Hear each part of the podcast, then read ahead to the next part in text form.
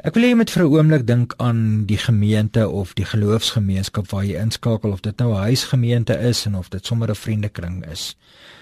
Dan wil ek vir jou vra, hoe lyk die plek waar jy bly? Die konteks. Ons gebruik nou 'n vreeslike groot woord om te praat van die konteks. Waar bly jy? Waar is die kafee? Uh waar is die uh, winkels? Waar is die skool? Dink 'n bietjie, dink 'n bietjie watter strate moet jy ry? Waardeur moet jy gaan? Ek weet die plek waar ek bly het byvoorbeeld 'n uh, 'n uh, 3 of 4 informele nedersettings. Het ook 'n gevangenis, het ook 'n groot dam. En en dit alles is 'n uh, belangrike goed. Hoekom? Want in Matteus 25:35 staan daar want ek was honger en julle het my iets gegee om te eet. Ek was dors en julle het my iets gegee om te drink. Ek was 'n vreemdeling en julle het my gehuisves. Ek was sonder klere en julle het my klere gegee. Siek en julle het my verpleeg in die tronk en julle het my besoek. As jy kyk na jou konteks. Natuurlik is hierdie vrae alles deel van die oppervlak konteks waar jy kerk beoefen. Daar is heelwat dieper vrae wat saam met ons vra oor die konteks gekombineer met die teks wat ons gelees het natuurlik na vore kom. Ek begin met die vraag om aan te dui hoe belangrik dit is dat die geloofsgemeenskap in die konteks dis nie vreemd vir mekaar moet wees nie. Ons kan nie groot en moderne geboue oprig in arm plakkerskampe nie. Jy kan nie komberse uitdeel op plekke waar dit snikheet warm is nie. Die kerk moenie wêreldvreemd wees nie. As jy nou dink vanmôre net hoeveel hoeveel honger mense het jy verbygery?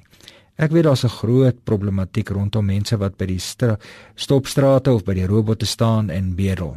Maar daar's tog ander plekke wat ek en jy by kan inskakel en wat ons seker kan wees dat die geld wat ons gee of die tyd of die energie of selfs die raad en advies tog 'n verskil in mense se lewens kan maak.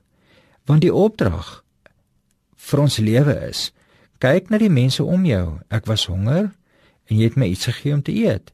Ek was 'n vreemdeling en jy het my verwelkom. Dink maar net aan hoeveel vreemde mense het al by jou by die werk opgedaag. Dink net vir jouself as jy 'n vreemdeling is by 'n plek, hoe simpel dit voel. Jy weet nie waar jy moet sit nie, jy weet nie met wie jy moet praat nie. Miskien is jy vanaand as jy jy's 'n ontvangsdame. Dink vir 'n oomblik daaraan. En dink van die vreemde mense wat by die ontvangskamer instap, by 'n dokter se spreekkamer of by 'n skoolhoof. Dink net as jy dit dalk 'n bietjie anders hanteer dan gaan jy die vreemdeling verwelkom. Dan gaan jy die honger een kos gee. Kom ons probeer. Kom ons leef. Kom ons verander ons geloofsgemeenskappe so dat daar 'n toegeneentheid, 'n gas 'n gasvryheid is, 'n gasvryheidsbediening is waar ons mense laat welkom voel, waar ons uitreik na vreemdelinge en waarin ons Ja, dis nie 'n barmhartigheidsaksie wat ons het om vir mense kos te gee nie, maar waar 'n deel van ons lewe is om seker te maak dat mense nie honger gaan slaap nie. Vader, ek dink vandag aan die armes in ons omgewing, hulle wat nie brood of kos het nie. Ek dink aan kinders wat sonder families groot word.